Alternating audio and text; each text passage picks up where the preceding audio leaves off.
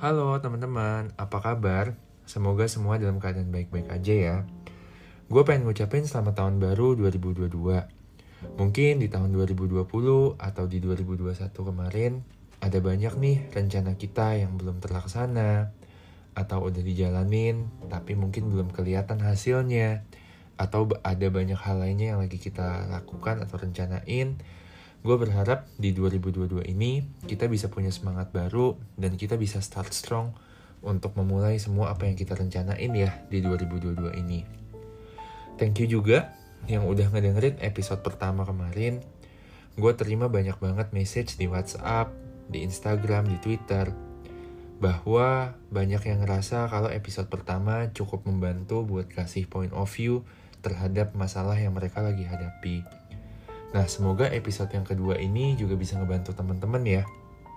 Karena kayak yang gue mention di episode sebelumnya, podcast ini sebenarnya gue buat sebagai sarana refleksi dan kontemplasi gue ketika gue lagi ngehadapin satu masalah dalam hidup atau ketika lagi ada pemikiran baru lah yang ada di kepala gue. Dan semoga apa yang gue lagi pikirkan dan apa yang lagi gue refleksiin ini bisa juga ngebantu teman-teman yang lagi ngadepin masalah yang sama gitu. Nah, untuk yang belum dengar episode pertama yang gue bahas tentang zona nyaman, mungkin gue pengen encourage teman-teman buat dengerin lagi ya. Karena topiknya cukup nyambung nih sama episode yang kemarin, yaitu hari ini gue pengen bahas tentang kegagalan. Jadinya, beberapa minggu lalu gue tuh sempat diundang sama salah satu universitas di Palembang buat bahas tentang branding, tentang bisnis, uh, di startup dan setelah sesi seminar itu, gue diundang juga untuk jadi mentor, di mana gue bisa ngejawabin pertanyaan dari mahasiswa-mahasiswi yang sedang belajar di universitas itu. Dan pas banget nih, ada yang nanya gitu, kemarin pas lagi sesi mentoring, Kak, gimana ya cara kakak untuk menghadapi kegagalan? Karena kakak karirnya kan udah cukup tinggi nih, dan pasti banyak banget kegagalan-kegagalan yang udah kakak hadapin, dan gimana caranya kakak buat menghadapi kegagalan itu. Nah, jujur aja pas ditanya sama mahasiswi tersebut, gue agak kesentil kenapa? Karena pas banget itu momentumnya gue lagi mikirin apa sih yang pengen gue lakukan di 2022 ini. Hal-hal apa yang lagi pengen gue rencanain. Dan sempat kepikiran ada rasa takut nih gitu kayak, wah kalau misalnya gue ngelakuin hal ini berhasil gak ya? Atau nanti ujung-ujungnya malah gagal atau malah gak jadi gitu. Yang lucunya ya gue juga tahu gitu kan bahwa yang namanya gagal itu pasti ya belajar, pasti yang namanya kegagalan ada sukses yang tertunda di balik itu. Makanya kalau gue takut gagal, justru gue gak bakal bisa ke mana-mana nih. Ya gue tahu. Dan ya itu ya klise ya, semua orang juga ngomongin itu gitu. Dan gue ngerasa kegagalan itu juga banyak banget ada kalau misalnya kita mau memulai sesuatu hal yang baru. Misalnya contohnya, kayak kita lagi mau jadi leader baru, atau kita mau jadi manajer baru, kita mau jadi mahasiswa baru, atau mulai bisnis baru. Pokoknya semua hal yang baru. Karena yang namanya hal baru, pasti ada potensi gagal nih. Gitu. Nah, setelah gue pikir-pikir ya, yang namanya gagal itu tuh sebenarnya sakitnya itu tuh bukan pas saat kejadian. Tapi sakitnya itu karena kita kecewa. Kenapa? Karena ya kita pasti udah put ekspektasi ya terhadap apa yang kita lakukan. Terus belum lagi kalau misalnya kita udah keluarin resources yang besar, effort yang besar juga gitu terhadap hal tersebut dan ujung-ujungnya gagal, pasti rasa kecewanya tuh sakit banget. Jadi gue pernah ngerasain rasa kecewa itu ketika beberapa tahun lalu pas gue baru mulai jadi uh, seorang manajer baru di company lama gue jadinya ya nama-nama namanya jadi manajer di awal-awal pasti kita bingung ya mesti ngapain. Dan banyak banget hal-hal yang bikin gue tuh jadi bingung. Dan ya ujung-ujungnya gagal. Kayak contohnya ketika pertama kali disuruh belajar untuk handle tim karena gue gak bisa ngelihat eye to eye sama tim gue ujung-ujungnya tim gue jadi bete sama gue kemudian karena dari internal timnya juga gak kompak ketika koordinasi dengan tim lain ujung-ujungnya ya tim lain juga gak ngerasa kita ngebantu mereka. Belum lagi waktu itu ya karena gue disuruh ngelit satu pitch besar dan gue gagal buat koordinasi antara tim gue internal dan tim lain, ujung-ujungnya pas lagi presentasi ke klien, berantakan idenya, dan manajer gue juga waktu itu bos gue kecewa sama gue, diomelin lah gue. Ya, sedihnya lagi, itu adalah awal dari series kegagalan gue di tahun itu. Ada kali 6 bulan gue handle project, ya gagal mulu gitu. Pitching juga ya klien gak suka sama idenya gitu. Meskipun ya ada eksternal faktor, tapi gue ngerasa banyak banget kesalahan yang gue lakukan. Ya namanya juga mungkin waktu itu umur gue jauh lebih muda dari gue sekarang, dan gue masih banyak ngandelin ego, gak mau ngedengerin orang gitu. Nah, ya gimana ya bilangnya ya mungkin waktu itu gue gak bisa ngeliat apa sih sebenarnya pembelajaran dari kegagalan yang gue hadapin waktu itu dan ya untungnya gue setelah gue pikir-pikir sekarang ya adalah hal-hal yang bisa banget dipelajarin dari kegagalan itu. Dari cara gue buat memanage orang kemudian juga cara gue buat ngelit project semuanya itu ada pembelajarannya. Yang susah sebenarnya setelah gue pikir-pikir mungkin di saat itu adalah sikap kita. Kita tahu bahwa uh, yang namanya gagal itu pasti belajar. Yang namanya gagal pasti sebuah sukses yang tertunda. Tapi gimana ya caranya? Ketika kita lagi menghadapi sebuah kegagalan dan kita bisa belajar sesuatu dari situ.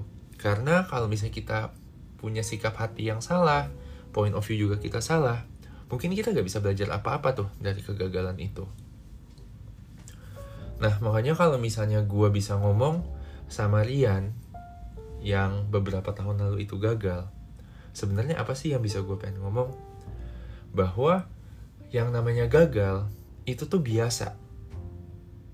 Kita, tapi kegagalan kita itu bukan berarti bahwa kita tuh orang yang gagal. Gak ada yang namanya perfect mulus, mulus 100% di dunia ini ya. Kayak contohnya misalnya kalau kita beli iPhone 13. Handphonenya bagus. Dari Apple, teknologinya juga canggih banget. Tapi pasti gak bakal lepas dari yang namanya error. Ngehang misalnya. Atau tiba-tiba ke restart sendiri handphonenya. Tapi yang pas saat dia lagi error, lagi ngehang, bukan berarti handphonenya jelek kan. Jadinya sama seperti itulah kita harus ngeliat kegagalan bahwa kita itu bukan orang gagal, tapi ya kebetulan karena kita mungkin belum paham, kita belum tahu, makanya kita salah ketika kita melakukan. Dan juga poin pertama yang gue pengen bilang ke Rian yang masih muda itu adalah kita mesti perhatiin nih siapa teman kita, circle kita ketika kita mengalami kegagalan. Karena udah nature-nya manusia, kalau misalnya kita lagi butuh support, kita lagi ngerasa gagal, ya kita pasti bakal cari orang terdekat untuk kita cerita, minta saran. Makanya kita mesti pilih nih, circle-nya kita siapa sih sebenarnya yang ada di sekeliling kita. Contohnya kalau misalnya waktu gue lagi bikin podcast ini, gue sempet tuh kasih denger first draftnya ke orang-orang terdekat gue. Buat gue minta support mereka, buat gue minta encouragement mereka, minta input mereka. Dan untungnya circle gue baik dan mereka memberikan input yang positif bayangin nggak kalau misalnya circle gue sekalian gue negatif ujung-ujungnya ya bukannya ngedukung gue buat ngerilis podcast ini tapi malah bikin gue down dan gak nyemangatin gue mungkin podcast ini gak bakal pernah kejadian. Sama seperti ketika uh, kita mengalami ke, mengalami kegagalan kita pasti butuh temen butuh orang-orang sekitar kita untuk kasih support ke kita. Jadinya kita bisa bounce back dan kita bisa bangun dari kegagalan itu. Karena ya ada yang support kita nih. Dan poin kedua yang gak kalah pentingnya adalah kita mesti perhatiin apa yang kita konsumsi, apa yang kita lihat di sosial media, apa yang kita baca, apa yang kita dengar. Contohnya kalau misalnya kita lagi patah hati, terus ujung-ujungnya kita ngedengerin lagu galau mulu, ya udahlah gitu kan, tenggelamlah kita, gak bakal move on move on. Ya makanya penting banget ketika kita uh, lagi ngalamin kegagalan, ya kita juga mesti perhatiin nih input apa yang kita terima. Dan poin ketiga yang gak kalah penting ya, bahkan menurut gue yang paling penting adalah kita mesti perhatiin apa sih sebenarnya yang kita omongin ke diri kita. Karena kadang-kadang ketika kita mengalami kegagalan, pasti banyak banget suara di kepala kita yang kadang-kadang bilang kayak, lu goblok banget sih, aduh, lu bego banget sih, aduh, harusnya lu gak ngelakuin ini nih, gitu. Dan ya suara-suara itu ya muncul terus. Jadinya kita ngerasa gagal. Nah kita mesti perhatiin makanya apa yang kita omongin ke diri kita sendiri juga. Karena kalau misalnya kita salah ngomong ke diri kita sendiri, kita ngomonginnya hal-hal yang negatif terus, ya akan susah lah buat kita tuh bisa bangkit dari kegagalan dan kita bisa ngelihat pembelajarannya. Makanya gue ngerasa tiga poin tadi yang sempat gue mention, poin pertama kita mesti pilih orang-orang di sekitar kita tuh siapa sih dan orang-orang itu harus positif dan bisa memberikan semangat, encouragement ke kita.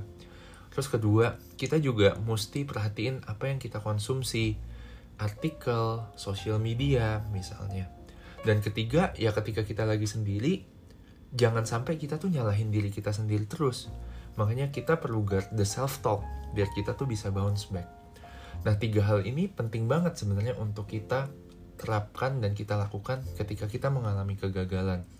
Jadinya kita bisa bounce back seperti yang tadi gue bilang dan ya kita punya semangat baru untuk menjalani hal-hal berikutnya.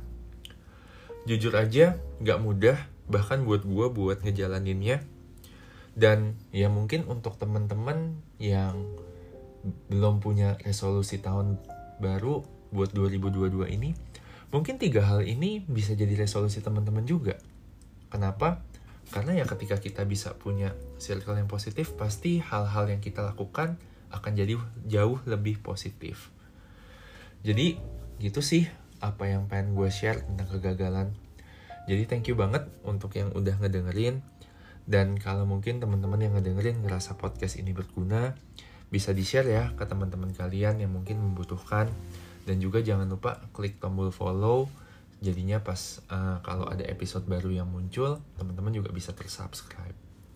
Dan seperti biasa kalau misalnya mau terhubung buat ngobrol buat diskusi teman-teman juga bisa add sosial media gue nih di Facebook, Twitter, Instagram, LinkedIn.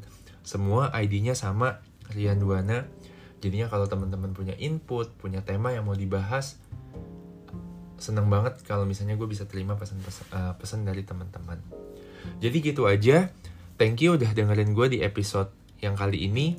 So see you in the next episode ya. Bye-bye.